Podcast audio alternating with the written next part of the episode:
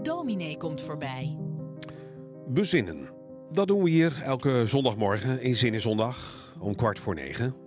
Een mooi moment daarvoor hè, op zondagmorgen. Dat horen we althans van velen van u. Dat doen we met een uh, pastoor of een geestelijk verzorger of een dominee of iemand die werkzaam is bij het Leger des Heils. En nu met Jan Leijenhorst uit Bargem. Goedemorgen, wie praten altijd plat samen.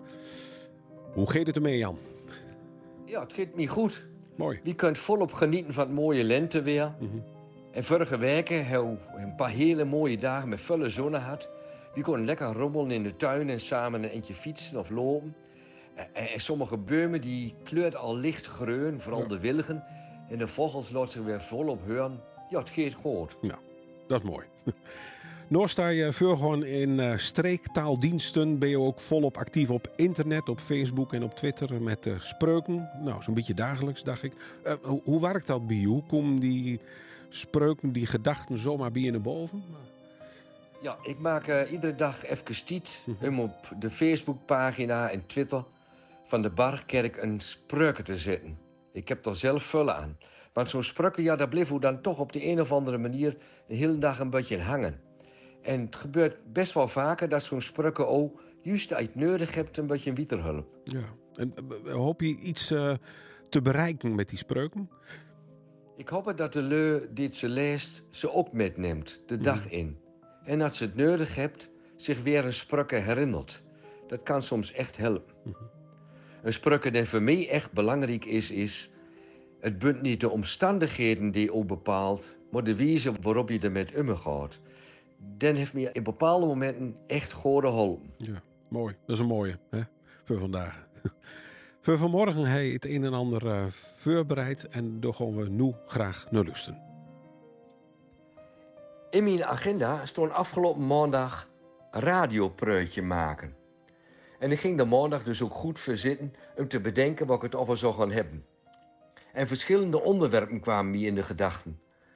Maar iedere keer dwaalden mijn gedachten ook af naar de vragen... moet ik het eigenlijk niet over de oorlog in de Oekraïne hebben... of mag het toch wat algemeens zijn? Maar wat voor algemeens ik me ook bedachtte... iedere keer kwam ik toch weer uit bij een oorlog.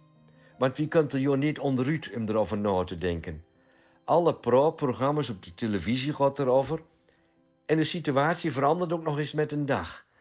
Dus op maandag iets actueels schrijven en dan op zondag laten horen, ja, dat kon best wel eens verkeerd gaan. Durmen iets algemeens. Ja, en toch ook over Oekraïne. Eh, ik begin bij vorige weken. Opa, oma, ga maar op de rand van de zandbak zitten, dan bakt wie een taartje voor jullie. We waren met de kleindochters nog een eentje lopen bij de grote zandbak aangekomen en daar wilden ze nog wel even wat spullen. De oudste van de twee kleindochters, waar we iedere week oppast, is vijf jaar oud en ze pakte resoluut een schepje dat in de zandbak lag en begon in de zandbak te graven. Graven, ja, want de bovenste lagen van het zand was door het zonnige voorjaarsweer helemaal rullen worden. Fien zand, dat tussen de vingers wegglipt. Kroelzand noemt ze dat ook wel eens. Als je zandtaartjes wil bakken, dan moet je natte zand hebben. Opgraven dus. En het nattere zand dat ze opgegraven had, deed ze in een vormpje, drukten dat stevig aan, zetten het vormpje op de kop en haalden het weg. En het taartje kwam tevoorschijn. Voor oma. De jongste van de twee, drie jaar, deed er meteen na en maakte een taartje voor mij, voor opa. Had niet zo deer begraven en gebroken iets te veel fijn zand en de taartjes zakken wat in elkaar. Ach, maar dat stok hem voor mij niet. Ik at er toch zogenaamd heel lekker van. Het spel van de kinderen wordt steeds ingewikkelder. Na de taartjes worden het broden bakken. En toen de pizza's en de hamburgers en zo verder. En al gauw stonden er allerlei vormpjes van eten naast opa en oma op de rand van de zandbak. En toen, toen kwam het fine zand.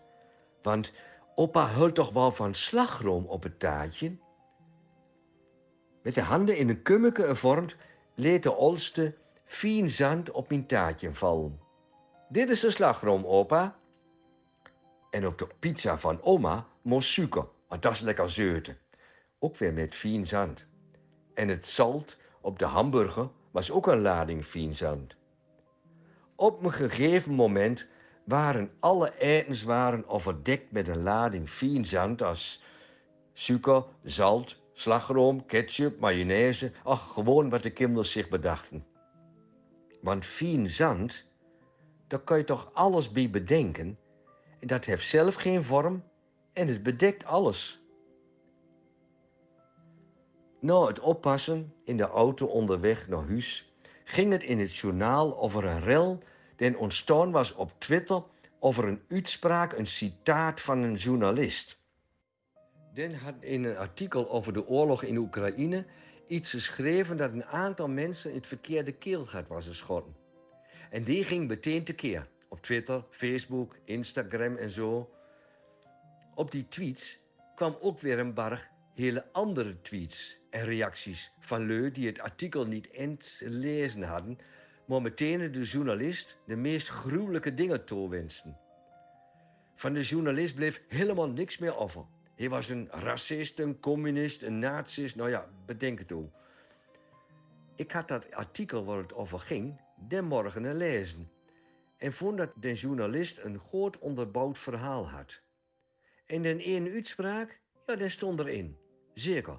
Maar volgens mij zorgvuldig onderbouwd en beargumenteerd in een hele duidelijke context.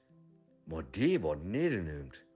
Alleen de uitspraak op zichzelf, totaal uit zijn verband rukt. Deep Graven was er niet bij. Als fien zand overdekken de reacties op de social media de vorm en de inhoud van het artikel. Wat de oorsprong en achtergrond van de uitspraak was, dat worden niet meer gezien, gehoord en er wordt niet eens naar gezocht. Ik hoop dat als onze kleindochters groot bent, dat ze dan ook blijft graven naar wat echt vorm geeft. Dat ze de titel verneemt om echt een mening te vormen.